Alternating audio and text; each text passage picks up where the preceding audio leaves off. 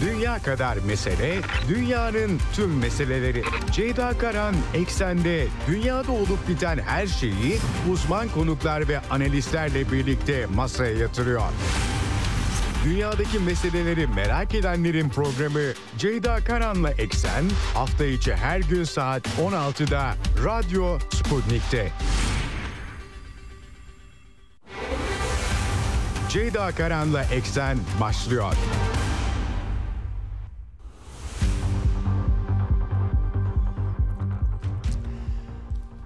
Eksenden merhabalar efendim. Bugün 28 Aralık 2023 günlerden Perşembe dünyadan haberlerle karşınızdayız yine. Evet yıl sonuna doğru geri sayıma devam ediyoruz artık. Yarın bu yılın son ekseni olacak. Yıl sonu değerlendirmeleri yapıyoruz. Küresel gidişat çok parlak değil. Ukrayna, Orta Doğu, Amerika'nın Çin'e rekabetinin yeni yılda dünyayı taşıyacağı yer neresi bilemediğimiz bilinmezliklerle dolu bir dünya ile karşı karşıyayız. Tabii Orta Doğu'da İsrail-Filistin çatışmasının ne zaman sona ereceğini de çok bilemiyoruz. Amerikan medyası Ocak ayında birkaç hafta diye iki hafta önce haberler yazıyordu, çiziyordu ama o da belirsiz. Devam ediyor çatışmalar. E, diplomasi işe yarayamıyor bir türlü. E, de, yani hakikaten 2023 çok sıkıntılı geçti ve daha da sıkıntılı olacak gibi gözüküyor. Aktaracağım önümüzdeki bir saat içerisinde size son gelişmeleri e, dünyada Ukrayna çatışmasıyla ilgili de önemli başlıklar var. Mariinka'da nihayet çok büyük bir moral gelişme bu.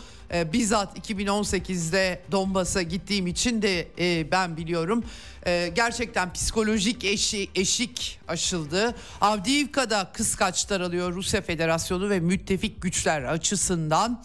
Dolayısıyla sahada önemli gelişmeler var. Ukrayna'da önemli tartışmalar var. Bütçe yok. E, emeklerin, çalışanların maaşları, memurların maaşları nasıl ödenecek? Avrupa Birliği formüller arıyor. Rusya'nın varlıklarını dondurmakla kalmayıp bir de onlara el koyma tartışmaları vardı. Hala belirsiz durum ama bunlar olup biterken Almanya'nın öncülüğünü çekeceği bir biçimde bir borçlandırma, garantilik gündeme gelmiş durumda.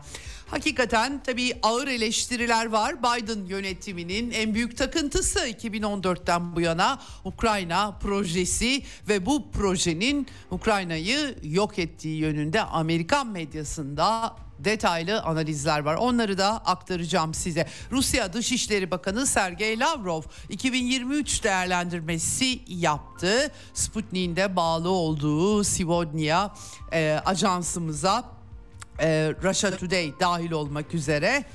E, dolayısıyla onları da aktaracağım size. E, Hindistan diplomasisi de Moskova'ya taşındı. Bunu da belirtmek gerekiyor. Dışişleri Bakanı Putin tarafından da ağırlandı e, küresel güneyden de başlıklar var. Bugün programın son bölümünde 2023'ün jeopolitik kaymalarını değerlendireceğiz. E, program konuğum Atasam'dan Hasan Erel dış politika analisti olacak. Amerikan hegemonyasında sarsılmalar e, belki bu yıla en çok damgasını vuran e, konulardan birisi pek çok bölge açısından bunları değerlendireceğiz Hasan Erel'le e, e, birlikte çok kısa bir süre önce kaydımızı yaptık kendisinin vakti sınırlı olduğu için dolayısıyla son bölümü kayıttan yayınlayacağız. Evet gecikmeden hemen frekanslarımızı tekrar edelim. İstanbul'dan 97.8, Ankara'dan 96.2, İzmir 91, Bursa 101.4 ve Kocaeli 90.2 karasal yayın frekanslarımız bunlar. Bunun dışında Sputnik Türkiye'nin web sitesi üzerinden cep telefonu uygulamasıyla Türkiye'nin her yerinden bizi dinleyebilirsiniz. Telegram hesabı en kolayı Radyo Sputnik'e katılmanız hem canlı yayınları e, dinlemeniz için hem de daha sonra arkadaşlar kayıtları koyuyorlar. Gün içerisinde daha sonraki saatlerde ne olmuş ne bitmiş dünyada merak ederseniz rahatlıkla Telegram'dan dinleyebilirsiniz. Diyelim başlayalım eksene. Dünya kadar mesele, dünyanın tüm meseleleri. Ceyda Karan Eksen'de dünyada olup biten her şeyi uzman konuklar ve analistlerle birlikte masaya yatırıyor. Dünyadaki meseleleri merak edenlerin programı Ceyda Karan'la Eksen hafta içi her gün saat 16'da Radyo Sputnik'te.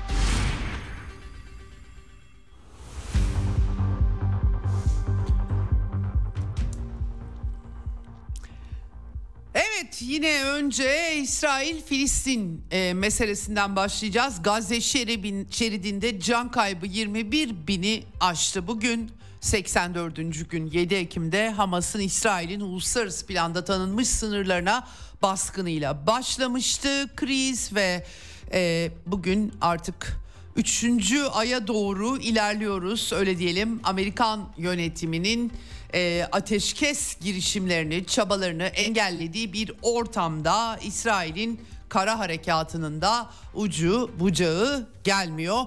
Yaralı sayısı 55 binden fazla olarak ifade ediliyor. E, hakikaten e, sıkıntılı Beytlahiye ya e, bu arada İsrail'in kuzeydeki operasyonları da devam ediyor. Aynı şekilde e, Özellikle Han Yunus bölgesinde de öyle Beytlahiye'de bir takım saldırılar olduğu bilgileri gelmişti. İsrail'in kentlerinin üzerinde bu arada e, sirenlerin e, çalması tekrar yani Hamas'ın ve Filistinli örgütlerinde aynı zamanda e, İHA roket atışlarını devam ettirdikleri bir manzara var e, karşımızda e, haberler yansıyor e, pek çok yerden.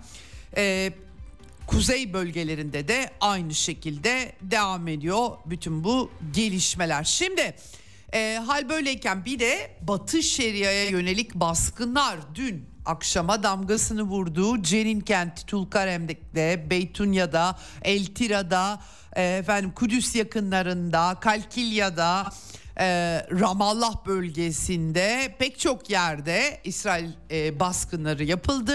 Tulkarem'de 6 Filistinli öldürüldü. Çok sayıda e, yaralı e, Nur Şams kampına diye bilgiler geliyor ama başka yerlerde de var bu baskınlar. Bu arada İsrail'de serbest İsrail'in serbest bırakılan rehineleri Hamas tarafından bırakılan rehinelerin konuşmaları da devam ediyor. Hakikaten çok ilginç. Mesela e, rehinelerden birisinin İngilizce altyazıyla dinledim ben. E, İbrani televizyonlarında oralarda da yayınlanabiliyor bunlar. Bunun altını çizmek lazım. Filistin direniş güçleri Hamas bizi İsrail saldırılarından ve bombalarından korumaya çalıştı gibi açıklamalar yapanlar var. Hakikaten tabii Hamas'ın operasyon yaptığı bölge İsrail solunun daha çok yaşadığı onlara kalsa sınırların açılmasını tercih edebilecekleri bir yer e, hala böyle haberlerde e, toparlanıyor. İsrail içerisinde çok ciddi tartışmalar var tabii ki Netanyahu'ya karşı bunu eksik etmemek gerekiyor. Araplar pek bir şey yapamıyorlar ama tabii Birleşmiş Milletleri zorluyorlar. En son Suudi Veliaht Prensi Muhammed Bin Salman bu konuda konuştu. Daha sessizlerinden Suudi diplomasisi açıkçası arada sırada tabii ki açıklama yapıyorlar ama İsrail'in saldırganlığını durdurması için baskı yapacak şekilde bir Arap hareketi yaratmaya çalıştıklarını söyledi. E, Mısır ve Ürdün sürekli temasta. Anlaşılan o ki Arap diplomasisi de alttan alta sadece rehinelerle ilgili değil. Gerçi direniş ekseni bunların hepsini yetersiz buluyor ama onlar da anladığım kadarıyla verili çerçevede bir şeyler yapmaya çalışıyorlar. Nedir bu Arap hareketi henüz bilemiyoruz. Belki yeni yılda daha çok şekillenir. Ee, New York Times gazetesi Amerika'nın Hamas'ın askeri gücünün azaldığına dair herhangi bir işaret olmadığını yazdı. İsrail'in 84. günü tabii ki olayların 84. günü kara harekatı böyle çok davul zurnayla ilan edilip başlamamıştı. Daha sessizlerinden e, başlatılmıştı. Birkaç hafta sonra başlatılmıştı. E, ama e, Hamas hala pek çok video yayınlıyor. Han Yunus orta kesimlerinde Gazze'nin dahil olmak üzere pek çok e, yerde e, İsrail orduları ordusuna askerlerine saldırıların görüntülerini hala izliyoruz. İsrail'in Yediyo Aharonot gazetesi ise savaş kabinesine artık üçüncü aşamaya geçme yetkisi verildiğini yazmış. Tabi bu tam olarak nedir? Sınırlı operasyonlar yürütülmesi Gazze içerisinde. Yani zaten kara harekatı başlattılar. Bunun o sınırı nedir? Doğrusunu isterseniz henüz çözebilmiş değilim. Ama Savunma Bakanı e, Yoav Galant, İsrail'in e, Dışişleri ve Güvenlik Komitesi'ne briefing vermiş ve burada İsrail'in refah bölgesi yani Mısır sınırı Gazze şeridinin güneyi ya da Philadelphia eksenini işgal etmeyeceğini sınırlı baskınlar anladığım kadarıyla e, bu e, üçüncü aşama dedikleri Gazze'nin güneyinde daha hakikaten sınırlı bir hareket İsrail ordusu hareketi. Hani kuzeydeki gibi topyekün bir kara harekatı değil orada da çok sayıda kayıp verildiği görülüyor ama daha sınırlı olacağı anlaşılıyor. E, bu arada İsrail'i yedek askerler arasında rezervist ordusu İsrail bir isyan hali olduğu iddiaları var. Hamas tabi propaganda amaçlı da olabilir tam bilemiyoruz. Netanyahu da diplomasiye soyunmuş vaziyette Macron'la görüştü. Dün aktarmıştım ben size Fransa Dışişleri Bakanlığı ateşkes çağrısını güçlü bir biçimde dile getirmişti. E, dolayısıyla bu görüşme e, dikkat çekici. E, yani tabii Macron yönetimi bir öyle diyor bir böyle diyor. Dolayısıyla tam bir şey dediklerinde arkasında duracakları e, bilemiyoruz tabii ama BM'deki oylamalarda biraz daha farklı bir tavır aldıkları genel anlamda söylenebilir. Netanyahu Macron'la görüşüp işte e, özellikle de e, Lübnan da önemli bir faktör, aktör Fransa aynı zamanda Kızıldeniz operasyonuna destek veriyor Yemenli Husilere karşı. Burada yardımcı olma arzusu, istekliliği ki operasyona katılmayacaklarını da duyurmuştu aslında Fransa, İspanya, e, İtalya ama yani e, ne olacak e, orada bir belirsizlik var onu belirtmek lazım. İşte savaşla ilgili rehinelerle ilgili de bilgi vermiş Macron'a Netanyahu. E, ama tabii İsrail'de e, çatışmalardan sonra Gazze'de ne olacak?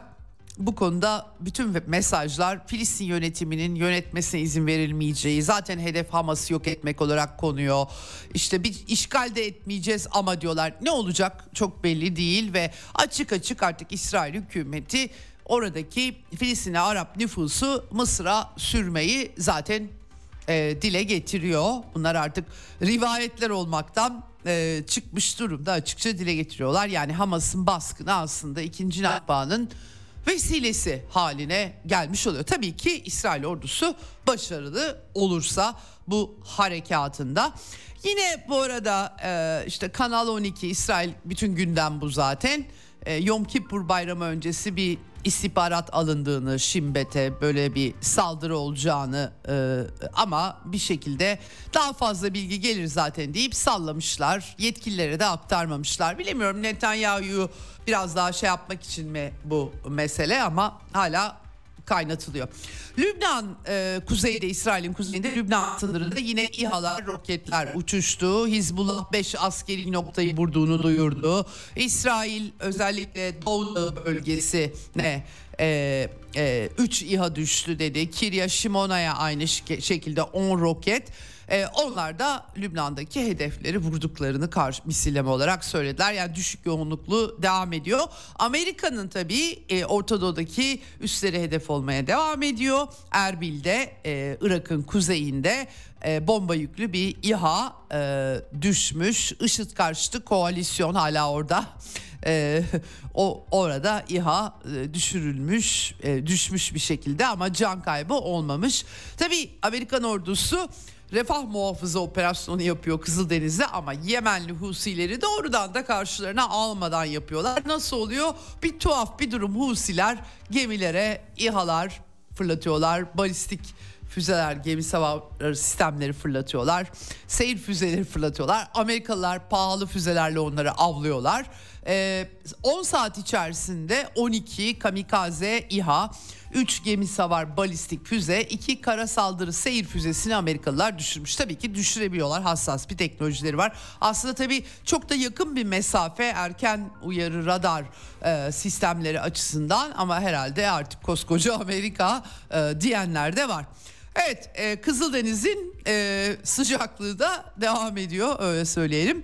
E, bu arada tabii İsrail'in Şam yakınlarında düzenlediği bu hafta pazartesiydi yanlış hatırlamıyorsam saldırıda devrim muhafızları ordusunun Suriye komutanlarından Seyit Razi Musevi öldürülmüştü. İs, İs, İran buna çok sert tepki gösterdi. Kasım Süleymani'nin 2020'de e, Bağdat'ta 3 Ocak tarihinde hatta öldürülmüştü. Bir suikastle Trump döneminde onun yakın arkadaşlarının olduğu söyleniyor. Hatta kimi İranlı e, İranlı milletvekilleri e, bu e, Seyit Razi Musavi'nin Hamas'ın 7 Ekim baskınında planlamada kilit rol oynamış olabileceklerini söylüyor. Yani devrim muhafızlarının Hamas operasyonundaki rolüyle alakalı bir iddia ortaya e, atılıyor. Bu arada yani tamamen rivayet ben hiçbir doğrulamasını görmedim ama e, Netanya'da İsrail'de Netanya kentinde de bir bombalı araç saldırısı olmuş. Kim öldü kim kaldı çok belli değil ama acaba işte bir e, Musevi'nin e, suikastine bir misilleme mi diye sorular ortaya atılıyor. İddiaya göre de e, İsrail ordusu medyaya bir şey yazmayın demiş galiba. Olabilir böyle şeyler hakikaten yani mümkün daha doğrusu o anlamda olabilir derken bunu kastediyorum. E Amerikan yönetimi tabii bütün bunlardan rahatsız diyoruz. Joe Biden en son açıklama yaptı Netanyahu'dan ateşkes istemedim dedi. e, Amerikan yönetimi de zaten bütün ateşkes girişimlerini BM Güvenlik Konseyi'nde savuşturuyor. Onun yerine işte insani yardım e, tasarısı en son kabul edilmişti. Fakat e, Amerika'daki üsler, Kızıldeniz meseleleri falan bunlar e, Biden yönetimini de e, zorlamaya başladı diyebiliriz. E, dün aktarmıştım size Amerikan medyasında e, rahatsızlık e, var kongrede diye e, yansımıştı. Hedef oluyor çünkü Amerikan askerleri Orta bu yüzden. Joe Biden e, kongreye mektup yazmış Irak ve Suriye konusunda. E, burada demiş ki e, evet e, yani e, böyle bir durum var ama e, Amerikan yönetimi biz bu saldırılara BM şartının 51. maddesinden doğan meşru müdafaa hakkını kullanarak yanıt veriyoruz demiş. Çok çok şahane. Irak ve Suriye topraklarında Amerika meşru müdafaa hakkını kullanıyor. Orantılı bu arada ondan da bahsediyorlar ve gerektiğinde çok daha çok tehdit ve saldırıya karşılık vermek için daha ileri adımlar atmaya da hazırız. Merak etmeyin demiş yani. Ee, bakalım Yemen sahası, Kızıldeniz, taşımacılık hakikaten. Bu arada hayatımızda pek çok şey pahalanacak. Bu yüzden onu da belirtmek gerekiyor. Husilerin Gazze'ye destek için başlattıkları bu e, Kızıldeniz'e Babül Mendes boğazından gemi geçirmeme meselesinin başka boyutları var aktarmıştım daha önce sizlere. Evet şimdi bu arada Türk Türkiye-İsrail ilişkileri Cumhurbaşkanı Erdoğan her ne kadar Türkiye somut olarak İsrail ile ilişkiler bakımında özellikle ekonomik ilişkilerde hiçbir adım atmasa da siyaseten retorik son derece güçlü. En son dün Hitler benzetmesini aktarmıştım size. Netanyahu'yu e, e, Batı dünyasında tabii Cumhurbaşkanı eleştirdi ama hani Hitler'den garip garip bahsederlerdi. Sizin Hitler'den ne farkınız var? Bunlar bize Hitler'i de aratacak. E, bugün hala Almanya Hitler'in bedelini ödüyor. Başı öne eğik yani egemen kararlar veremiyor falan filan geçmişlerinde böyle bir şey var diye demişti Cumhurbaşkanı. İsrail Başbakanı Netanyahu da ona e, yanıt vermiş X hesabından. Kürtlere karşı soykırım uygulayan ve rejimine muhalif gazetecileri hapse atma konusunda dünya rekorunu elinde tutan Erdoğan bize ahlak vaazı verebilecek en son kişidir demiş. Sonra da dünyanın en ahlaklı ordusu olan İsrail savunma güçleri demiş. İnsanlığa karşı suç işleyen Erdoğan'ın övdüğü ve liderlerini ağırladığı dünyanın en iğrenç ve acımasız terör örgütü Hamas IŞİD'i ortadan kaldırmak için savaşıyor demiş. Tabi Netanyahu'ya karşı hemen e, Suriye'yi bölme parçalama yönündeki Amerikan operasyonu maalesef Türkiye'nin de katkı yaptığı operasyon sırasında Arap Baharı filan dediler ona biliyorsunuz. Netanyahu hastanede IŞİD'lileri e, El-Kaidecileri ziyaret ederken boy boy fotoğrafları var. O zamanlar Suriyeli devrimciler diyorlardı o İslamcılara. Tabii Netanyahu'nun bu yazdığı X hesabından yazdığı Erdoğan'a yanıt mesajına o fotoğraflarla yanıt verenler de eksik olmadı. Zaten Hamas'ı fonlamaları gerektiğini söyleyen de kendisi. Dönüyor dolaşıyor kendilerini vuruyor görüyorsunuz bu tutarsızlıklar, ilkesizlikler diyelim. Evet ee, tabii bu arada İsrail Dışişleri Bakanı Eli Cohen'in açıklaması var. Kamu radyosuna konuşmuş ve demiş ki Erdoğan Türkiye'nin Cumhurbaşkanı olarak görev yaptığı müddetçe İsrail Büyükelçisi geri dönmeyecek demiş. Cumhurbaşkanına nankör demiş Eli Cohen ve Şubat'ta Türkiye'ye depremi kastediyor 6 Şubat depremini. Türkiye'ye yardım sağladık. Orada Sahra Hastanesi bile açtık. Erdoğan'ın sorumsuz davranışlarını görüyoruz. Kendini Olaf Scholz'un yeni Naziler olarak nitelediği Hamas'ın yanında konumlandırıyor. Yani herkes birbirini Nazi olmakla suçluyor. Böyle enteresan bir ideolojik karmaşa içerisindeyiz.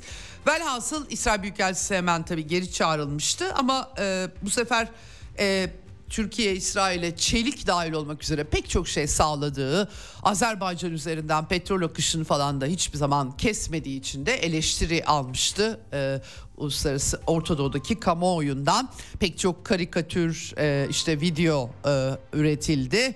E, dolayısıyla da bu retorik e, ekonomik ilişkileri etkilemiyor. Daha gerçekçi temelde tırnak içerisinde realist temelde yürütülüyor bu sefer öyle anlaşılıyor. Evet e, tabii Türk-Amerikan ilişkileriyle ilgili dün aktarmıştım size. E, e, TBMM'de Dış, Dışişleri Komisyonu'nda kabul edildi İsveç'in NATO üyeliği. Ama Cumhurbaşkanı'nın açıkça beklentisi kongreden F-16'lara e, onay çıkması, bütün bu sürecin eş zamanlı yürütülmesi. Nihayet bunca zamandır herkes yok canım hiç alakası yok dedikten sonra bunun bir alver pazarlığı olduğunu açıkça artık e, söylüyor herkes. E, e, Hakan Fidan e, ABD Dışişleri Bakanı'yla e, Anthony Blinken'la dün görüşmüş. Ben eksen sırasında görmemiştim. O saatlerde gelmişti. Fidan e, İsveç'le ilgili süreç TBMM'de demiş. Tabii kongrede e, Amerikan Kongresi'nin müttefiklik ruhuna uygun biçimde hareket etmesi ve taahhütlerin yerine getirmesini beklediklerini dile getirmiş. Gazze'de ateşkes vurguları da yapmış. Evet 2024'te bir de e, daha fazla F-16 e, vurgulu e, ne de olsa Biden yönetiminin Ukrayna'daki vahim durum karşısında elindeki en büyük koz İsveç'le Finlandiya'yı da NATO'ya katmış olmak ve tabii ki Rusya'nın en baştan beri çevrelenmesi hedefiyle hareket ettikleri için Amerika için önemli. Yoksa İsveç zaten de facto NATO üyesi bile diyebiliriz. Finlandiya daha önemliydi çünkü çok uzun bir sınırı var Rusya Federasyonu'yla. Evet hemen buradan Ukrayna'ya geçelim. Önemli gelişmeler var Donbas'ta. Dün aktardım size Mariinka hemen Donetsk kentinin batısında burnunun dibinde Ukrayna ordusu oraya müstahkem bir mevki kurmuştu. 2014'te Kiev'deki darbeyi kabullenmeyen Ukrayna'nın doğusunda askeri harekata giriştiği zaman açıkça iç savaş başladığı zaman o tarihten beri bu Marinka bir de e, daha kuzeyde e, Avdiivka e, önemli müstahkem mevkiler. Bu, bu da aslında coğrafya, topografya açısından anlamlı çünkü oralar aşıldığı zaman Kramatorsk, Slavyangrad falan aşıldığı zaman Dnieper ırmağına kadar dümdüz ovalık efendim. Dolayısıyla askeri olarak o bölgeleri tutmak o kadar kolay değil. Yani bir ordu böylesine bir bölgeyi tutacaksa dibinde tutması gerekiyor. Ee, Ukrayna ordusu da iç savaşta 2014'te patlayan iç savaşta bunu yaptı. İşte bunların önemli iki merkezi e, tabii ki daha kuzeyde Lugansk bölgesinin hemen dibindeki e, alanda var e, ama Donetsk bakımından Avdiivka işte nihayet aslında Rusya Telegram kanalları çoktan ele geçirildiğini yazmıştı ama Rusya Savunma Bakanlığı 25 e, Aralık'ta ancak bunu doğruladı. Putin'i bilgilendirdi Sergey Shoigu ve açıklandı ve şimdi e, Telegram kanallarından gelen haberler Ukrayna açısından çok parlak değil çünkü Mariinka'nın hemen batısında Krakow var. Ee, burada e, Kurakovo e, bu bölgede e, hatta Ukrayna'nın da savunma hattı inşa etmeye çalıştığı haberleri var Telegram kanallarında. E, Georgievka'ya kadar bir kilometre batıya ilerlemişler. Krokova'ya doğru yöneldiler. Krasnogorovka ee, aynı şekilde bir de güneybatıda da Vugledar var. Orada hep güneyden Rusya ordusu zorluyordu Vugledar yönünde ama artık Mariinka'yı da ele geçirdikleri için kuzeyden de zorlayabilecekler. Önemli bir mevki bu açıkçası Vugledar'da öyle. Ee, Donbas'ı tamamen Rusya Federasyonu ele geçirdiğinde o zaman tabii ki duruma göre değişir ama önlerinin açıldığı bir e, askeri değerlendirmeler en azından bu yönde. Ee, ne zaman nasıl olur onu da bilmiyoruz çünkü yıpratma savaşı devam ediyor ve Rusya Federasyonu açıkça aktif savunma diye nitelendiriyor durumu onu e, göreceğiz e, ne olup biteceğini. Evet şimdi tabi bu arada Zelenski hiç üstüne alınmıyor. E, Bahmut Artemovsk e, 20 Mayıs'ta e, Wagner güçleri karşısında yenilgiye uğradıklarında da hiç üstüne alınmamıştı. Hatta bugün hala aradan aylar geçti. Oranın hala e, yani Ukrayna içerisinde hala kendilerinde olduğunu zannedenler olabilir. Çünkü kabul etmiyorlar, söylemiyorlar. Tabii ki bu e, olay biteli çok oldu. Aynı şeyi Mariinka'da da Zelenski yapıyor fakat Zaluzhny değil.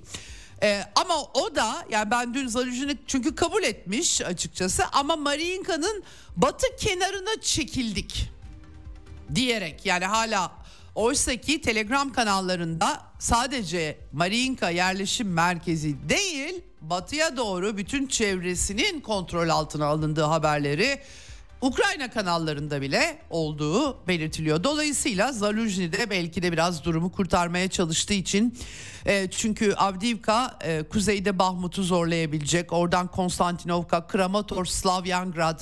E, ben 2018'de Donetsk'e gittiğimde Kiev'den Kiev'den gelen pek çok güvenlik görevlisi vardı. Onlarla konuşmuştum. Onlar güvenlik teşkilatlarında CIA'nin gelip emirler vermeye başladığını görünce işte bu Konstantinovka, Kramatorsk ve Slavyangrad bölgesine geldiklerini ve direnişi orada örgütlediklerini aktarmışlardı o zaman bana. Önemli yerler Kramatorsk ve Slavyangrad.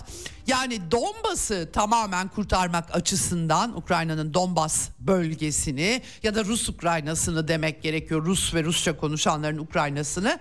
Ee, artık e, bundan sonrası yıpratma yıpratma savaşı devam mı edecek? Yoksa acaba bir e, büyük taarruz e, daha var herhalde diye ben düşünüyorum. Ama tabii ben askeri uzman değilim. Sadece artık bu çatışma nedeniyle askeri uzmanları takip ede ede bir hal oldum tabii. Sahada olup bitenleri anlamak bakımından. Evet ee, böyle bir durum. Avdiivka'da da bu arada e, cepheden e, neredeyse bir taarruz aşaması olduğuna dair haberler geliyor Rusya güçlerinden. E, kuzey bölgesinde de Ukraynalı general e, kuzeyde e, uzun süre Bahmut'la uğraştı ama başaramadı yaz aylarında. Sonra kuzeye geçti. Kupyansk bölgesi, Krasny Liman bölgesi. General Surski durumun zorlu olduğunu söyledi Ukraynalı general. Özellikle Bahmut ve kuzey e, bölgesinde. Çasofyar var burada. Oradan işte Kramatorsk'a yol açılıyor Don Donbas'ta. Ee, demiş ki Rusya ordusu güçlü bir taarruz yürütüyor. Taarruz demiyor Ruslar. Aktif şey aktif savunma diyorlar ama Surski bu şekilde ifade etmiş. E, kamikaze İHA'larla e, arttırdılar kullanımı ve Ukrayna güçleri için durum zor demiş e, Sinkovka var Kupyansk bölgesinde orayı ele geçirmeye çalıştığı anlaşılıyor. Küçük küçük bu yerleşimler bu çatışmanın e, aslında gidişatını ortaya seren veriler veriyor. Haritaya şöyle bir baktığınız zaman zaten e, anlıyorsunuz. Ee, aynı şekilde Güney cephesinde Ukraynalı komutan Tarnarski de Zaporojye'den sorumlu. Ta, yazın taarruzu oradan yapmaya çalıştılar ama becerememişlerdi. Çok küçük yerler ele geçirip geri çekilmek zorunda kaldılar çoğundan. Burada da artık e, Rusya güçleri aşırı yetenekli HIMARS'lar, Atakam sistemleri Amerika'dan verilenler hatta İHA'lar yani artık daha fazla daha az etkili e, oluyor e, demiş Ukrayna'nın salladıklarını kastediyor ama dediğim gibi e, e, Zelenski hiç umursamıyor.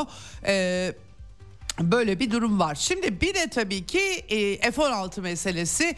Geçen sene Ocak Şubat aylarında tank koalisyonu konuşuyorduk. Alman leoparları cepheye sevk edildi. Abramslar pek görmedik öyle söyleyelim. Verildi ama görmedik. Çünkü leoparlar, Almanların leoparları fena halde yandı. İngilizler de derhal Challenger'larını geri çektiler. Yani bu arada sav- savunma sanayileri için itibar sıkıntısı yaratıyor. Şimdi F-16'lar tabii söz konusu ve ben dün aktarmıştım size söylentileri. F-16'lar çoktan ulaştı Ukrayna'ya. Bazı gizli depolarda tutuluyor diye iddialar vardı. Newsweek haber dergisi Amerika'nın e, artık Ukrayna'da olabilir diye haber yapmış. E, Amerikalı kaynaklar fısıldamış teslim yani bunu da e, yani tabii bir ara teslim ederken açıklıyorlardı. Bir süredir zaten açıklamıyorlar söylemiyorlar ama anladığım kadarıyla bunlar ulaşmış. E, yani zaten Hollanda Başbakanı Cuma günü Zelenski ile görüşmesinde ilk 18 adet F-16'nın hazır. Hazır ama verildi mi verilmedi mi onu söylemeden. Ee, eğitimler İngiltere'de pilotlar İngilizce de öğrenmek zorunda kaldılar bu arada. Bir yılda artık ne kadar öğrendiler onu bilmiyorum tabii ama e, özetle e, 12 ila 24 F-16'nın Ukrayna'ya ulaştığı iddia ediliyor. Bunların hepsi Ukrayna'da nerede onu bilmiyoruz. Belki de Ukrayna'da değil ama e, Romanya'da, Polonya'da, NATO diğer NATO ülkelerinde tabii bu tehlikeli bir durum. Çünkü Rusya Federasyonu bu uçaklar nereden kalkarsa o uçaklara e, bombalama için e, kullandıranların da çatışmaya dahil sayılacağı uyarısı yapmıştı. Dolayısıyla tehlikeli bir zeminde bir dans şeklinde durum devam ediyor. E, aynı zamanda Lugansk Halk Cumhuriyeti'nden emekli yarbay Andrei e, Marochko NATO mühimmatının Ukrayna'ya ulaşım rotası aslında bir kısmı biliniyor bunların. Ama Romanya'daki Köstence e, Mihail Kogalnicevu hava üssü düzenli olarak bunun için kullanılıyormuş. Odessa bölgesindeki İzmail'e o İzmail üzerinden. Tabii bunların aynı zamanda sivil nakliye Avrupa plakalı sivil araçlarla sokulduğu anlaşılıyor. Evet muhtemelen vurulmamaları için. Ee, Amerikan Dışişleri Bakanlığı ise Kiev yönetimi için yılın son askeri paketini, yardım paketini duyurdu. 250 milyon dolar değerinde 61 milyar dolarlık e, yeni yardım çıkmadı kongreden. Aktarmıştım size Amerikan Kongresi'ndeki tartışmaları. E, bu artık zaten yıl bitiyor.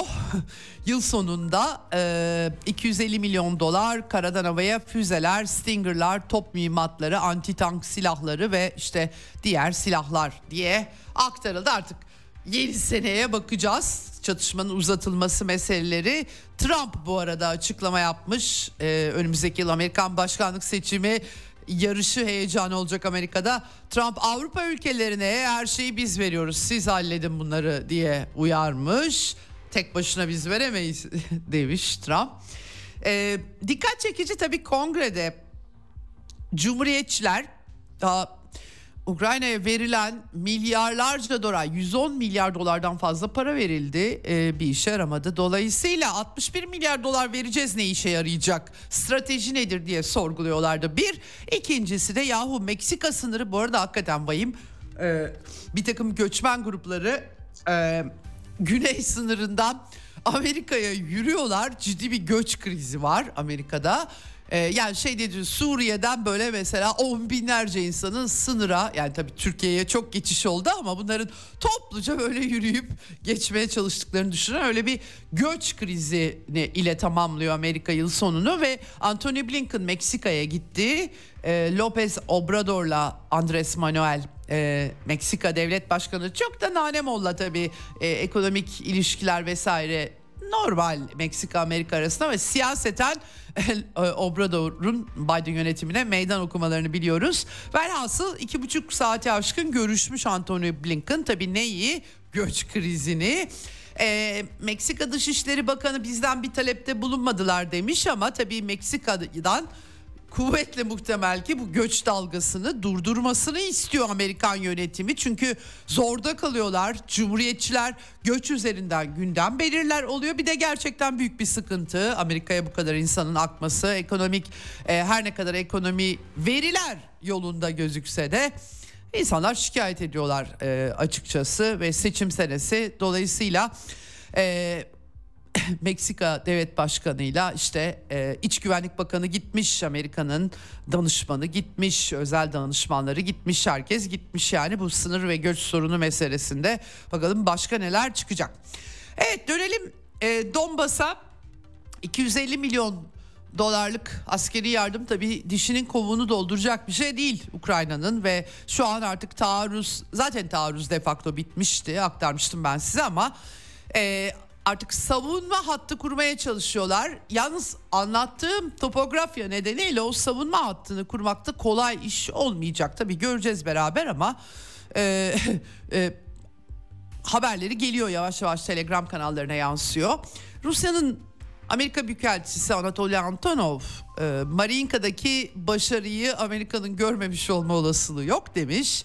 E, 250 milyon dolarlık yardım içinse kanlı yılbaşı hediyesi demiş. Son Ukraynalıya kadar savaş konseptine bağlılıklarını kanıtlıyorlar. Bir de para ne kadar yeterse ne varsa onu veriyoruz mantığıyla. Amerikalılar bu arada Güney Kore'den bolca mermi alıp Ukrayna'ya vermişlerdi top e, mermisi yetersizliği yüzünden.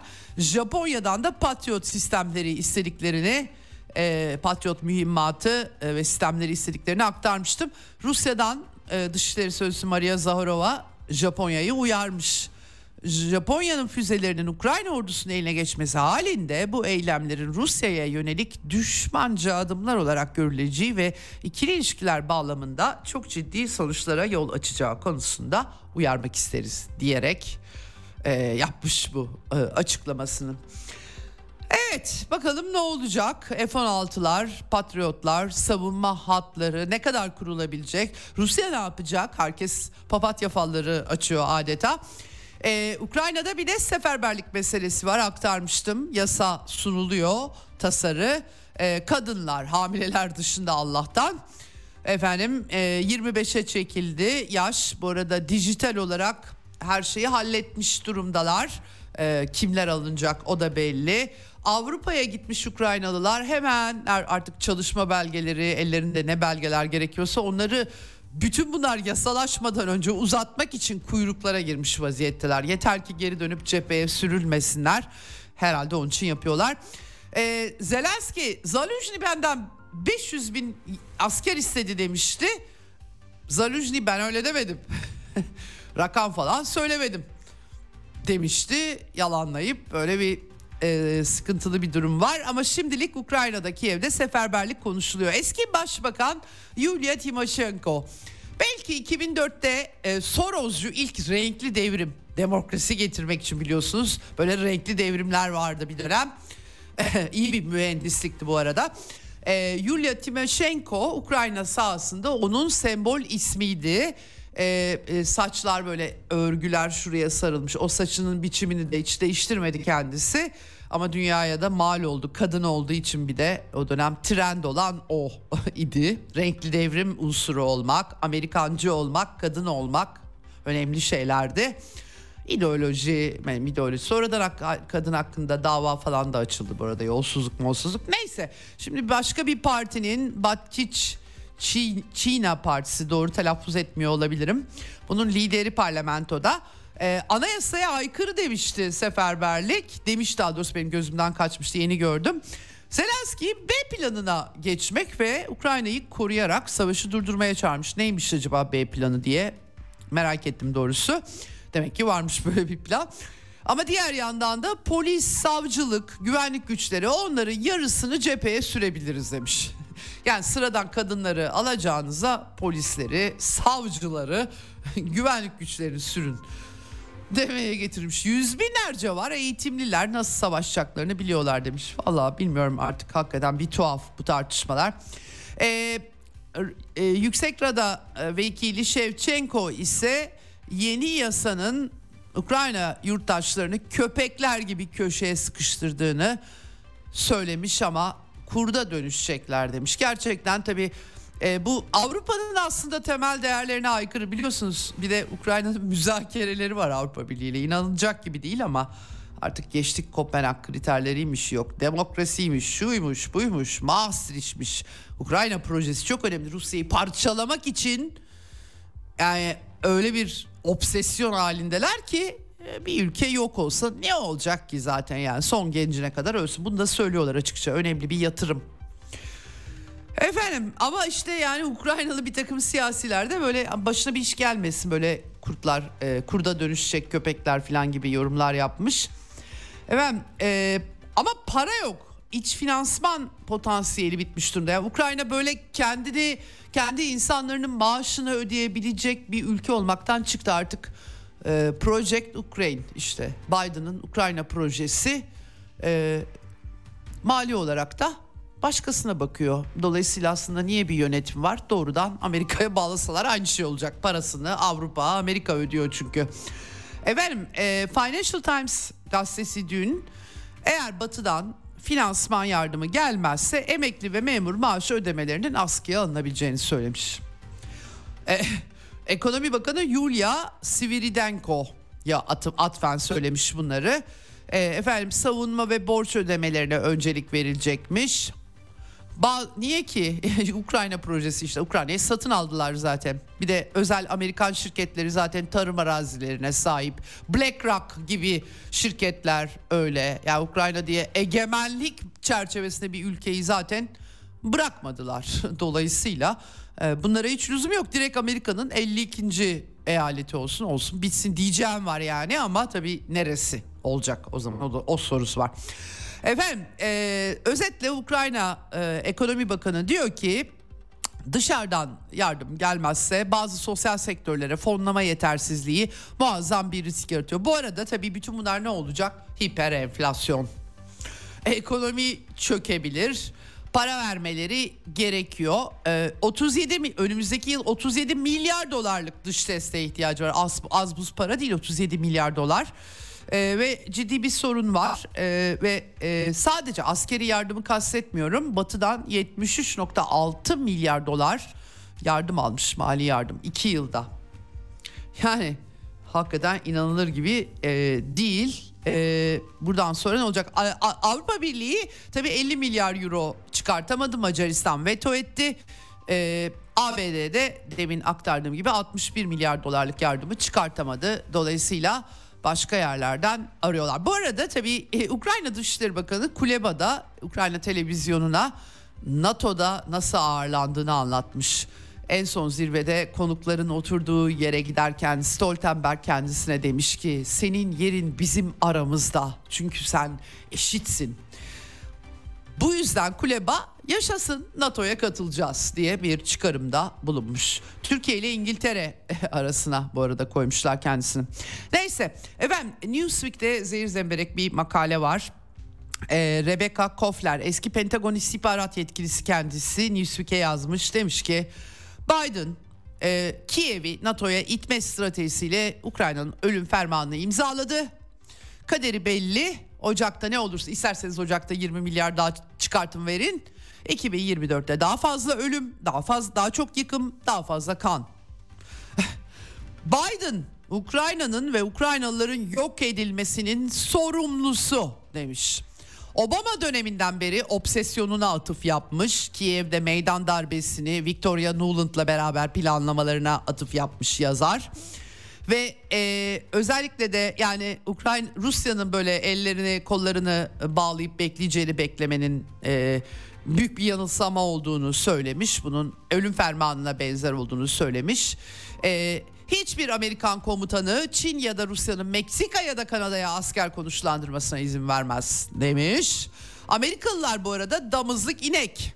Onların paralarıyla finanse ediliyor. Ukraynalılar top yemi oldu demiş. Gerçekten çok ağır bir makale olmuş bu.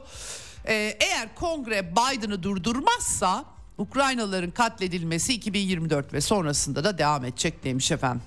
Evet e, yani öyle gözüküyor hakikaten. Almanya'da bu arada Saksonya Başbakanı Michael Kretschmer e, yani bu iş bitiyor anlamış anladığım kadarıyla e, demiş ki e, maalesef federal hükümetin pozisyonu müzakere istemiyoruz silah sevkiyatı istiyoruz ama Amerikalılar da e, yani başka yere gidiyorlar. Anladılar. Gerçekten yani e, trajik, e, trajikomik ve de bir yönüyle hakikaten. Demiş ki Rusya'yı askeri, siyasi ve ekonomik olarak zayıflatarak artık bize tehdit oluşturamaz hale getirme fikri 19. yüzyıla uzanan bir proje ve yeni çatışmalara zemin hazırlıyor hakikaten öyle. Evet bu arada Eurostat verileri Almanların Ukraynalı mültecilerin gitmesini istediklerini ortaya koyuyormuş efendim. Bu da enteresan. Zorla iadesi yani savaşa sürülmesi için böyle bir e, durum var. E, Zelenski'nin Mısır'da kayınvalidesi 5 milyon dolara bir villa almış iddiaya göre bunu yazan gazeteci Mısırlı Muhammed Ali Alavi Muhammed El Alavi gizemli bir biçimde ölü bulunmuş. Bilemiyorum haber doğru mu? Efendim e, şimdi e, BM'de bir oturum yapıldı ama e, tema benim size defalarca aktardığım tema ABD ve AB'nin meydan darbesinde 2014'te açık rolü. Bu belgelerle ispatlandı artık. Avrupa Birliği altına imza attığı uzlaşma bel, bel, belgesini koskoca Avrupa Birliği düşünün akşam imzayı ıslak imzayı atıyor ertesi günü yırtıp atıyor çünkü o sırada parlamentodaki uzlaşmalarla darbe yaptılar ondan önce de insanları öldürdüler kiralık keskin nişancılarla. Ee, bunlar konuşuldu. Rusya'nın e, BM daimi temsilcisi Vasilina Benzian'ın yanı sıra Ukrayna'nın eski İçişleri Bakanı Vitali Zaharchenko da konuşmuş. Zaharchenko meydan olaylarından çok önce nasıl bunların planlandığını aktarmış. Ben Donetsk'e gittiğimde Kiev'den gelen pek çok güvenlik yetkilisiyle de konuşmuştum. Onlar da anlatmışlardı bana. Zaten bilinen bir mesele. Hal böyleyken bir yandan da Amerika'da tuhaf tuhaf senaryolar öne çıkartılıyor. New York Times gazetesi ve Politico e, Amerika'nın sessiz derinden Ukrayna'da taktik değişikliğe gittiği, yenilgiyi de kabul edemeyeceklerinden e, Politico e, özel, özeti aslında e, iyi veriyor bunu. AB ile birlikte Ukrayna stratejilerini değiştiriyorlar ve Rusya'ya tavizi göz ardı etmiyorlar. Toprak tavizi verilmesi anlamına gelebilir. Çatışmayı dondurma hikayesi ben size aktarmıştım ancak yani e, bir ABD'li yetkili konuşmuş efendim e, e, açıkça söylemiş Biden yönetimi odak noktası sadece Rusya'ya karşı tam bir zafer kazanmasında artık Ukrayna'ya destek vermekten savaşı sona erdirmeye yönelik müzakerelerdeki konumunu güçlendirmeye yani savunma hattı dondurma buna yönelmişler. Tabii bu bir kısmın e, bir kısım toprak bırakılmasını içebilir diye diye konuşmuş. E, yani Biden e, bu sayede yenilgiyi kabul etmeden e, zafermiş gibi Sergey Lavrov dün dile getirmişti bunu. kazanan olduğunu ilan ederek çatışmayı dondurmaktan bahsediyorlar diye. Açıkçası işte 54 saat bir uçak Washington'da durmuş da efendim gizli müzakereler var gibi. Ben bunları Beyaz Saray'ın fısıldadığını düşünüyorum ya da Amerikan dışişlerinin ve hiçbir temeli olmadığını düşünüyorum. Dimitri Medvedev'in bugün açıklaması var. Özel operasyon devam edecek. Hedefi Ukrayna'nın silahsızlandırılması, demilitarizasyon, mevcut devletin neo neonazizm ideolojisi, banderacılık yani reddetmesi olarak devam edecek. E, açıkça Bandera rejiminin yerinden edilmesi ilan edilmiştir. Yani Rusya Federasyonu rejim değişikliği banderacı ve ne burnunun dibinde bir neo-nazi ideolojisini e, buna katlanmayacağını açıkça dile getirmişti. Ayrıca Odessa, Dnipro, e, Dnipropetrovsk, Harkov, Nikolaev, Kiev geçici olarak dikkat dikkat edin bunların hepsini söylemiş. Geçici olarak işgal edilen diğer birçok şehir gibi Rus şehirleridir. Hepsi hala kağıt haritalarda, elektronik tabletlerde sarı mavi renklerle işaretlenmektedir. Müzakereler elbette mümkündür. Çılgın Ukraynalı yetkililerin aksine Rusya bunları hiçbir zaman reddetmedi. Ee, ama zamanla sınırlı değildir. NATO'nun Bandera birliklerinin tamamen yenilmesine ve teslim olmasına kadar devam edebilirler. Ee, demiş e, e, Dimitri Medvedev. Evet Göreceğiz tabii e, ne olacağını, e, buradan nereye gidileceğini. Elon Musk bu arada e, iş insanı sık sık bu girişimci e, David Sacks'le X eski Twitter e, paslaşıyorlar, birbirlerine yanıt veriyorlar. E, Musk bir plan ortaya atmıştı geçen yıl. Yani zaten buraları Rus toprakları, Kırım dahil hani aman daha çok insan ölmesin diye ortaya atmıştı. Hatta Ukrayna'nın ölüm listesine bir ara soktular Elon Musk'ı. Ee, David Sachs bunu hatırlatınca o da birçok can kaybı önlenebilirdi diye yanıt vermiş. Evet tabii yani Biden yönetimi büyük en büyük sorumlu o, orası çok açık e, olup bitenler düşünüldüğü zaman.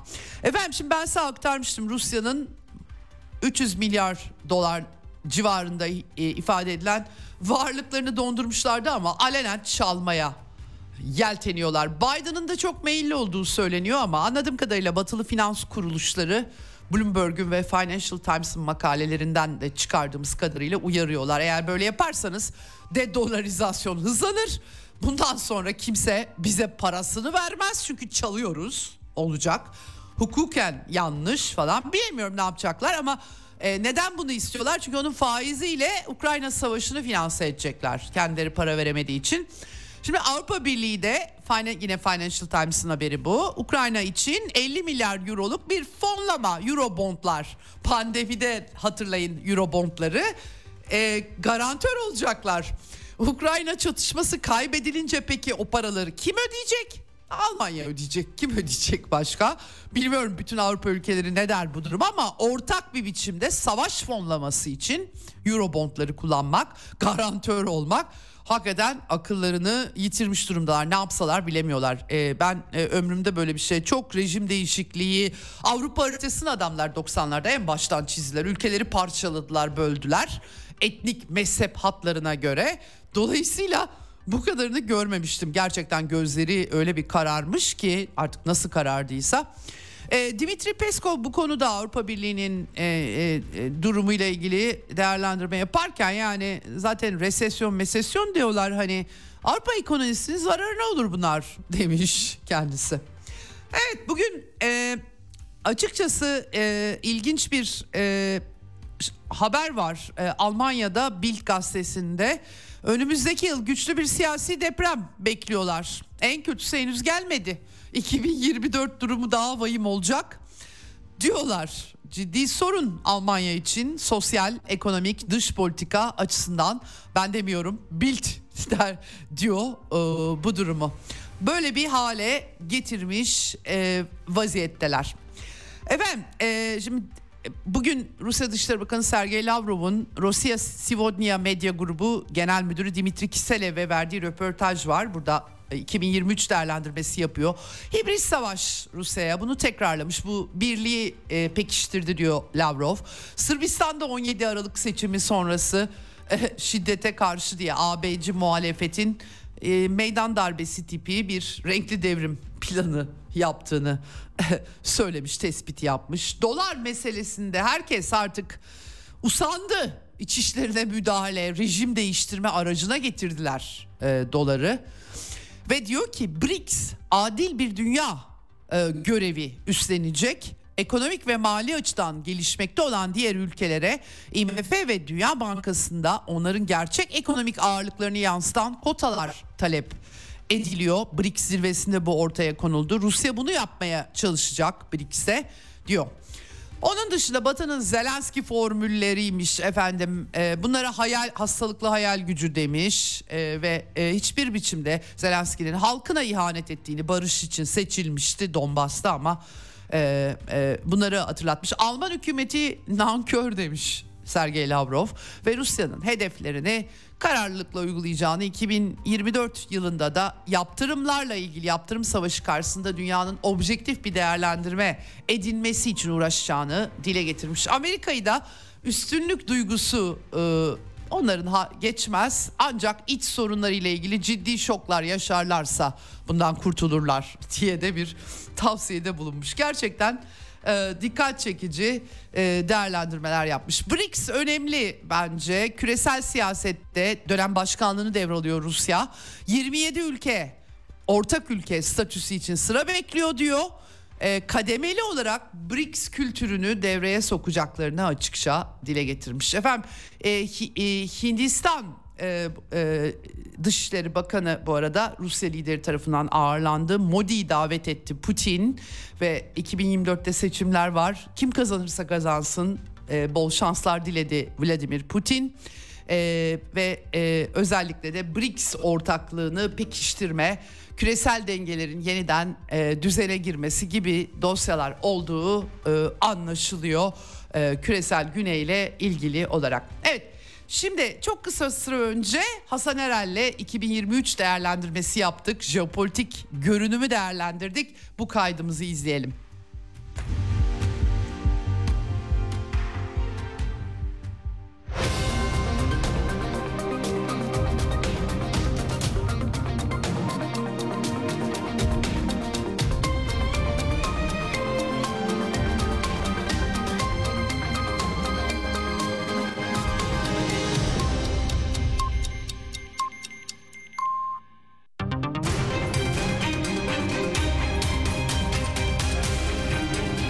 Radyo Sputnik. Anlatılmayanları anlatıyoruz.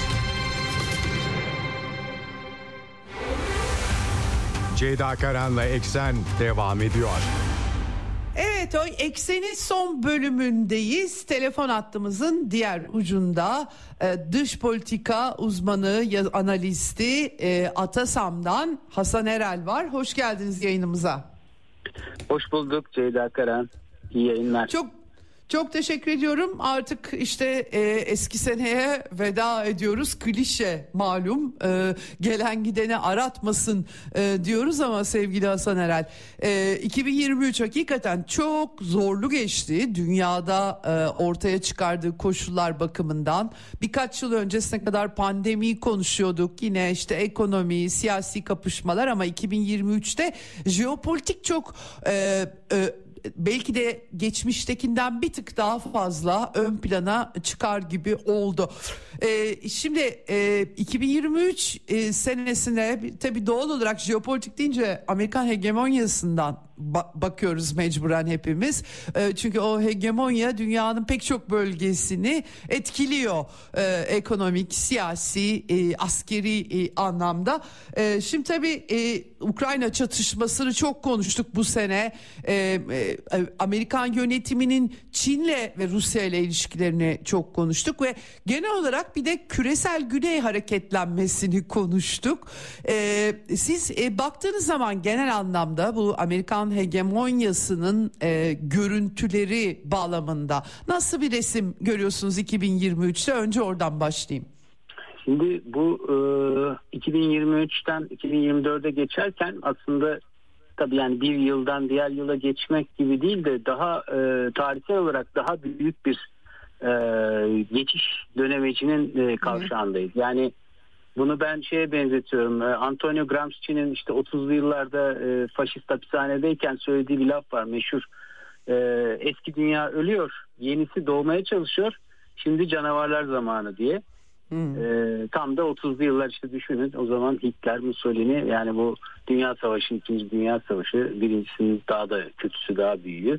Yani biraz tabii e, benzetme karamsar oldu ama yani öyle bir evet. e, şeydeyiz. E, eski dünya dediğimiz işte Batı'nın kolektif Batı'nın hegemonyası Amerika'nın önderliğindeki bu hegemonya artık ölüyor. Bunu herkes görüyor. Yani bunu ben 20-30 senedir söylüyordum gülüyorlardı bana bazıları ama şimdi görüyoruz yani bu koca bir hegemonyanın e, battığını görüyoruz. En azından Kızıldeniz'deki terlikli Yemenlere bile bir şey yapamadılar. E, Babel evet. açamadılar. Yani küçük bir örnekte bunu gireriz.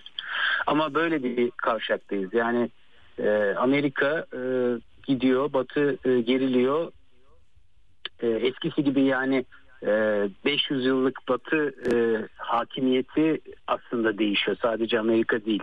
Yani daha önce işte 45'te İngiltere'den Amerika'ya böyle e, nasıl derler e, bayrak devir teslimi gibi bayrak yarışı gibi bir şeyle geçmişti ama şimdi olay öyle değil. Tamamen bir Asya ve küresel güneyin çok kutupluluk söylemiyle Batı dünyasının o altın milyar denilen nüfusunun ya da işte kendini e, medeni, uygar, demokrat olarak gören eski sömürgeciliğe, yağmacılığa dayalı kaynaklarla büyük gelişimini sağlayan, savaşlarla e, gelişen ya da zenginleşen diyelim bu batının bir e, mücadelesini görüyoruz. Korakor bir mücadele bu. Sadece Amerika, Rusya, işte Amerika, Çin veya İran, İsrail değil. Yani daha topyekun bir Üçüncü Dünya Savaşı aslında bu. Yani düşük yoğunluklu bir Üçüncü Dünya Savaşı içindeyiz.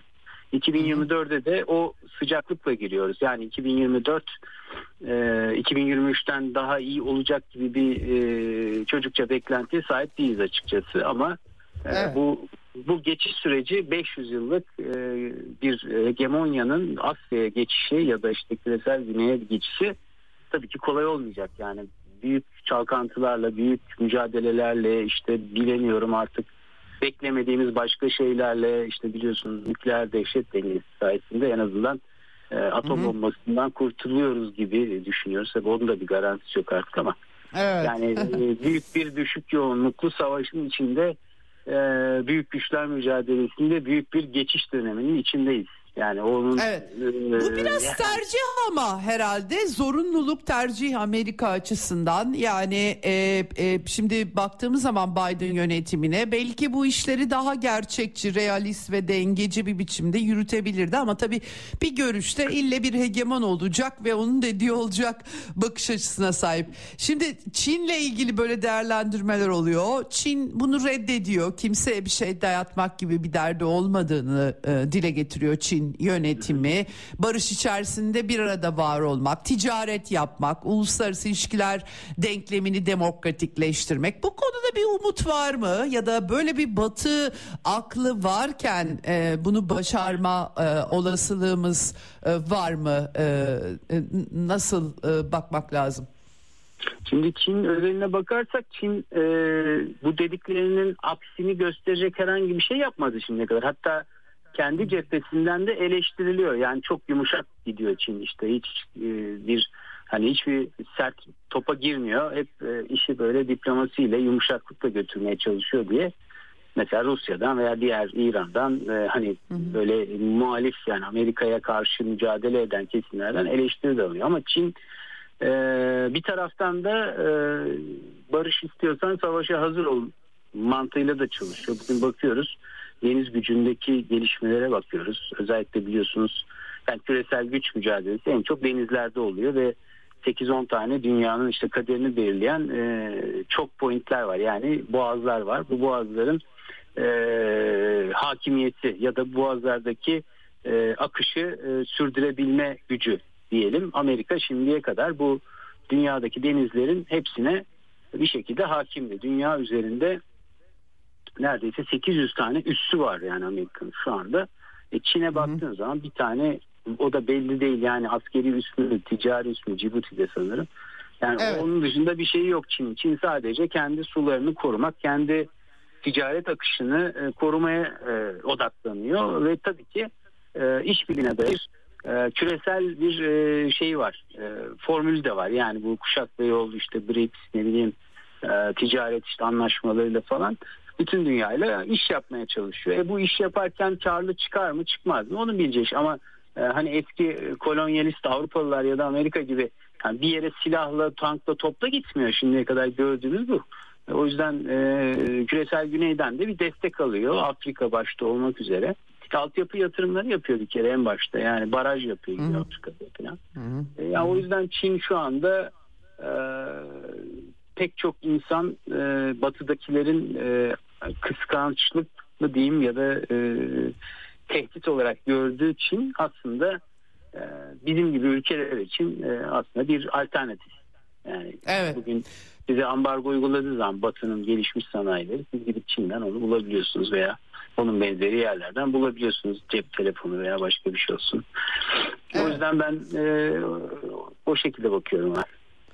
Evet bir de e, Avrupa'da var tabii. Hep Amerika'dan bahsediyoruz ama e, belki 2023'te Amerikasız bir Avrupa yokmuş hissine kapıldık. Ya da ben şahsi olarak e, kendi e, koskoca bir e, Avrupa kıtası e, ama e, Amerika'nın paralelinde mütemadiyen hareket eden e, kendi halkının toplumlarının çıkarları söz konusu olduğu zaman e, bunu nerede aradığı konusunda kafalar akıllarda soru işareti e, yaratan e, bir Avrupa gördük. Bir de tabii e, değerler e, silsilesi bugüne kadar son 30-35 yıla damgasını vurmuştu.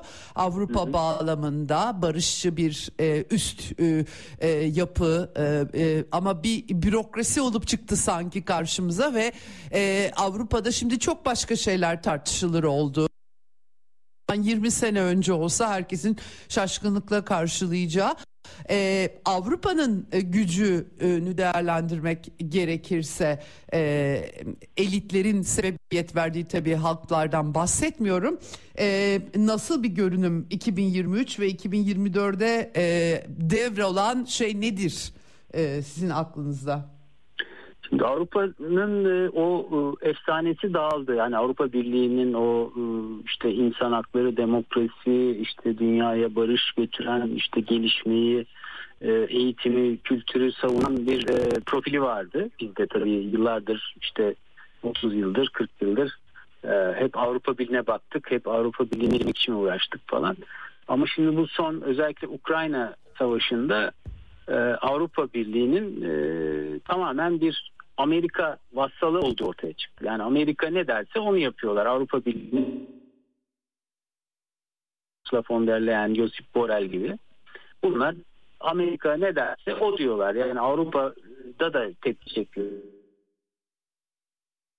Ee, dünyanın üçüncü büyük e, sanayi devi olan Almanya'nın e, gerçek manada bir e, Amerikan vassalı olduğunu ortaya çıkmasıydı. Çünkü yani Biden e, Scholz ve Washington'da yanında dururken onun gözünün içine baka baka biz dedi kuzey e, akımı vuracağız. Yok keseceğiz dedi ve kestiler. Adamlar vurdular işte dediler. Yok Ruslar yaptılar onlar yaptılar. Ama yani adam bunu e, Washington'da Beyaz Saray'da açıkça söyledi ve yaptı ve e, Scholz da bunu e, yani yuttu. Hiçbir şey diyemediler. E, şimdi kıvranıyorlar işte e, kaynak sıkıntısı çekiyorlar. E, sanayileri küçülmeye başladı. İşte bir sürü şu anda en son dediğim 50 tane gübre fabrikası kapanmış Avrupa'da. Şey doğalgazda çalıştığı gübre doğalgazla elde edildiği için e, kapanmış. Evet. Yani Avrupa Birliği şu anda artık o eski pırıltısını yitirdi ve e, yani istatistiklere baktığımız zaman ekonomik büyüklükler, işte ticaret e, hacimleri falan baktığımız zaman Avrupa ülkelerinin de yani ciddi manada gerilemekte olduğunu görüyoruz. Mesela Rusya'yı işte şey yapacaklardı e, özellikle yaptırımlarla falan e, Rus ekonomisini çökerteceklerdir. Ondan sonra işte rejim değişikliği yapacaklardı bu Ukrayna savaşıyla. O ters tepti. Rusya kendine yeni pazarlar buldu ama Avrupa e, Amerika'dan pahalı likit doğalgaz almak zorunda kaldı. 2-3 katı fiyatına. Yani o temel tabii girdi olarak bütün her şeyi etkiledi. Ayrıca yani Ukrayna'ya Amerika'nın zoruyla yağdırdıkları yardımlar falan. Yani bu savaşın o, olmaması Avrupa'nın lehineydi. 2016'daki Minsk anlaşmalarını destekleselerdi Merkel ve e, o zaman işte Holland mıydı? E, evet. Şeyde evet. Yapılan Rusya ve Ukrayna arasındaki anlaşmayı destekleyip gerçekten o anlaşmaları uygulasalardı bugün yani 800 bin insan daha hayatta olacaktı. Ee, ve Avrupa'nın ekonomisi, Avrupa'nın e, demokrasisi e, veya bu göçmen sorunu bu kadar olmayacaktı. E, ona benzer işte Suriye'deki işte bizim de içine karıştığımız Suriye'nin e, bölünmesi için yapılan e, saldırı da aynı sonuçları doğurdu. E, sonuçta yani Amerika'nın hegemonyası ne Avrupa'ya ne bizim de işte Avrupa'nın e, parçası olduğunu iddia eden Türkiye'de hiçbir fayda getirmediği gibi çok fazlasıyla zarar getirdi. Evet. E, bunun bir sonuçlarıyla e, karşılaşacaklar. Yani 2024'te de bununla uğraşacaklar. Belki farklı farklı partiler gelecek. AFD gelecek. Almanya'da yükselişte biliyorsunuz. E, evet. Mevcut yani siyasiler de artık o Atlantik işte NATO'nun getirip götürdüğü siyasetçiler de belki bundan sonra bilmiyorum değişir mi değişmez mi? Bu da tartışılacaktır Hı-hı. herhalde. Evet. E, işin bir de Orta Doğu'su var tabii. Yani e, aslında 2023'te çok da fazla Orta Doğu konuşulmadı. Suriye çatışması Amerika'lı devam etse bile e, bir şekilde farklı biçimler altında. E, dönüp de çok bakan olmadı e, ama Ekim başında işler değişti. Tabii e, aslında çok da değişik bir görüntü yarattı. Pek çok yakından takip eden analistin gördükleri artık sıradan sokaktaki insanın gözüne girer oldu oldu. Ee, İsrail-Filistin çatışmasıyla tabii Hamas'ın e, saldırısı tetikleyici e, oldu burada ama e, e, yalnız sanki geçmiş yıllardaki Orta Doğu denkleminden biraz daha farklı bir görüntü var gibi bir yandan da. Çünkü e, e, geçmişte işte Amerika'nın işte Irak işgalleri, e, ülkelerin iç siyasetlerini dizayn etmek için belirli hareketleri destekleyerek e, başlatılan, tetiklenen gösterilerle e, e, olaylar ya da onlara destek olarak e, e, bu, bunları geçtik başka bir yerdeyiz sanki. Burada tabii Çin faktörü de önemli. Sanki Amerika'nın borusunun öttüğü Orta Doğu'ya e, artık e, Rusya ve Çin gibi iki ülkenin daha çok dinlendiği tabii ki çıkarlar bağlamında e, oluyor bitiyor bunlar ama e, sanki o hegemonyanın kırılma noktalarından gibi e, Orta Doğu ne dersiniz? E, Orta Doğu'yu Aynen. nasıl okumak lazım? Aynen katılıyorum size. E, çok doğru. Çünkü orada yani 7 Ekim'den önceki gelişmeleri gözden kaçırdığımızda olayları anlamakta e, zorlanırız. Orada bir kere e, biliyorsunuz e, Trump zamanı bir Abraham İbrahim anlaşmaları başlatılmıştı. Tam İsrail'e de e, biliyorsunuz e, Trump bütün o Batı Şeria'ya işte ne bileyim her yere yayılma işgal e, şeyini de e, yeşil ışığını da yakmıştı. Hatta başkenti işte Kudüs olsun filan diye. O yüzden yani e, orayı o şekilde okumak lazım. Bu özellikle Çin devreye girip de Rusya devreye girip de işte İran'la Suudi Arabistan'ın barıştırılması, Yemen Savaşı'nın Suudi Arabistan'la Yemen e, arasındaki savaşın bitirilmesi, ateşkes ilan edilmesi ve işte e, daha önce baktığımızda Suriye'deki ya da Arap Baharı genelindeki e, Büyük Orta Doğu Projesi e, eylemlerinin ya da kalkışmalarının e, pek çok yerde geri tepmesi yani Suriye'de mesela başarısızlığa uğraması veya Mısır'da e, başarısızlığa uğraması e, Libya'da belki işte NATO'nun müdahalesiyle başarılı olması ama orada da yani neyin ne olacağını belli olmaması. Irak'taki işte İran'ın oluşturduğu bu Irak Suriye, Lübnan, e, Yemen buralardaki direniş eksenlerinin de e, giderek güçlenmesi e, İsrail'in Amerikan hegemonyasının gerilemekte olduğunu görüp e, erken bir müdahale bir 11 Eylül e, modeli bir şeyle e, bu 7 Ekim'in önünü açması e, İran, Rusya, Çin'in de bundan e, faydalanmayı düşünmesi. Yani sonuçta e, şu anda Amerika 3 e, cephede e, savaşacak durumda değil. Yani Ukrayna, e, Filistin ve Tayvan olarak baktığınız zaman o yüzden e, karşı tarafta yani Rusya, Çin, İran üçlüsü de e, burada bence e, bir e, inisiyatif aldı diye düşünüyorum. Yani İsrail bir hesap gitti. Netanyahu ben dedi Gazze'yi alırım bu fırsattan istifade dedi. Onlar da e, yani sen Gazze'yi almaya kalkarsan senin de sonunu getirecek işleri biz başlatırız dediler. Amerika için de aynı şey geçerli. Yani bunu şimdi Kızıldeniz'de Amerika'nın kurduğu bu e, Prosperity Operation Prosperity'de gördük.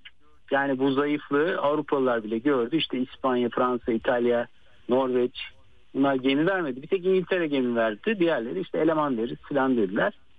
O, o bile yani o şeyi operasyonu e, başından sakatladı ve yani Yemen'e de e, girişemediği için yani karaya çıkarak bir harekat yapamayacağı için o hala Yemen'in o Babel Mendeb'i kesmesi yani İsrail'e bir nevi abluka uygulaması sürüyor. Bu bile çok önemli evet. bir gösterge. Yani Su Suudi Arabistan'ın e, ve hatta en yani İsrail taraftarı Birleşik Arap Emirlikleri'nin bile bu e, deniz gücüne katılmaması o da önemli. Çünkü yani Yemen'le birebir savaşan güçlerdi bunlar. Evet. E, bu da çok önemli. Yani burada dediğiniz gibi Çin'in ve Rusya'nın çok etkisi var. Yani bu evet. Suudi Arabistan'la İran'ı barıştırmaları çok büyük bir e, neden ne diyelim jeopolitik bir olaydı.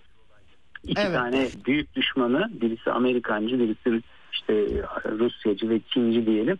İki düşmanı e, barıştırmak orada Amerikan ve İsrail'in çıkarlarına büyük bir darbe vurdu.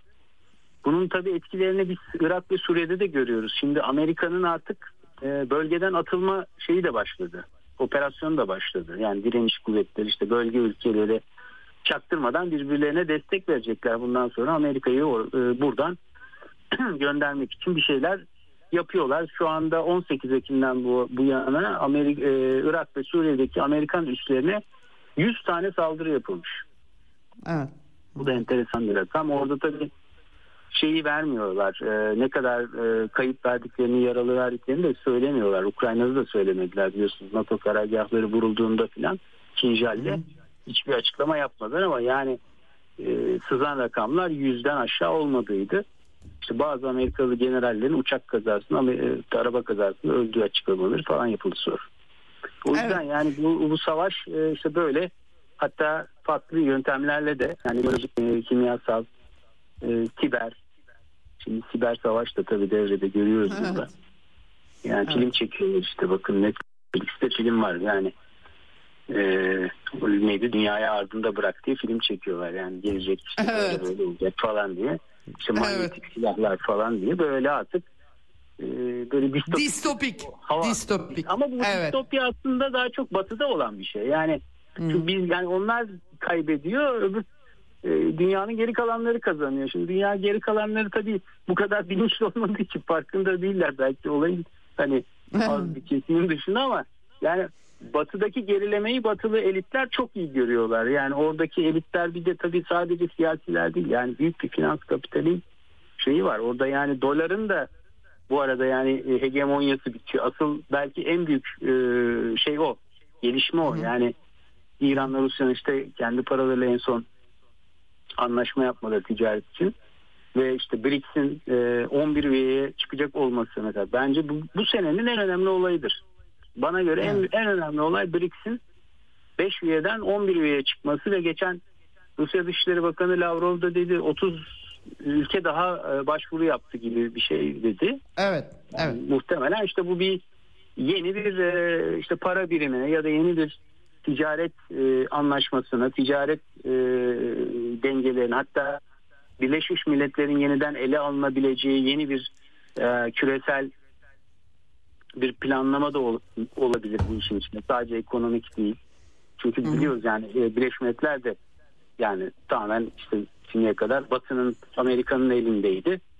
Yani tarafsız tabii herkesin temsilcisi var falan ama ya baktığınız zaman Birleşmiş Milletler örgütleri işte Dünya Sağlık Örgütü'nden tutun e, Dünya Bankası'na falan hepsi Batı'nın e, kontrolü altındaydı. Şimdi bu mimari de artık değişmek zorunda. E, yani bu evet ne kadar sürdürülebilir görüyoruz. Yani 190 Birleşmiş Milletler e, çalışanı öldürüldü Gazze'de ama İsrail hala e, yaptıklarını yapmaya devam ediyor. Yani hiçbir etkisi ve yetkisinin olmadığını gördük. İşte Güvenlik Konseyi'nde Amerika ve İngiltere ne bileyim e, şey yapıyor, veto yapıyor her kararı girişimi. Bunlar da sürdürüyorlar evet. bu soykırımı ya da işte katliamı. O yüzden Birleşmiş Milletler'in de e, yeni bir yani e, daha e, adaletli, daha hukuki, daha herkesin çıkarlarını gözetecek bir yapıya da gelmesi gerekiyor. Sadece e, doların e, hegemonyasını kaybetmesi ya da yeni bir e, eşitlikçi bir ticaret sisteminin kurulmasının yanı sıra bunlar tabii öyle hemen olmayacak. İşte demin dediğimiz gibi bunlar biraz öyle çalkantılı, e, zorlu bir süreçten geçerek olacak. Yani inşallah iki evet. dünya savaşı gibi bir şey olmaz da hani 60 70 Tabii. Evet. evet. Sonra da daha yani e, tabii şimdi bu dönemde görüyoruz bu e, canavarlar dönemi dediği Gramsci'nin e, batıdaki liderleri görüyoruz. Yani sadece batıda değil diğerde de yani böyle hafif Hitlerimsi Mussolini'msi tipler de var. Yani böyle değişik değişik tipler de ortaya çıkıyor. Belki onun kastettiği canavarlar onlardı. Evet. Evet peki e, bir iki dakikam daha var. E, Türkiye aslında tabii e, Ocak ayıyla birlikte yeni yılda da yılda da konuşuruz muhakkak. Özellikle Türk dış politikasını bir özetlemek gerekirse 2023'te yönelim bakımından çok kısa rica edeceğim. Bir de Türk dış politikası bakımından, Türkiye bakımından. Türkiye'nin dış politikasını Türkiye belirlemiyor. Bir kere onu söylemek lazım. Türkiye e, Osmanlı zamanındaki gibi bir duruma geldi. Yani çeşitli vektörler Türkiye'yi e, sağdan soldan üstten alttan etkiliyor ve e, yönünü onlar belirliyor. Yani Türkiye'de şu anda ben çok Ankara'dan belirlenen bir dış politika olduğunu görmüyorum. belli şeyler var tabii hani konjonktürel olarak yani siz eğer e, Batı Asya'da böyle bir jeopolitik noktada oturuyorsanız e, hiçbir zaman tamamen Amerika'nın e, emrine giremezsiniz veya hiçbir zaman tamamen Rusya'nın veya tamamen bilinen başka bir Avrupa Birliği'nin emrine giremezsiniz. Mutlaka kendi söz, hı hı. şeyinizin olması gerekiyor. Ama bu sizin e, seçimlerinizi, tercihlerinizi belirleyecek olan şey yine jeopolitik, yine e, dünyadaki e, gelişmeler yani stratejik e, gelişmeler yani etrafınızda olan bitenler ve de tabii ki ekonominiz.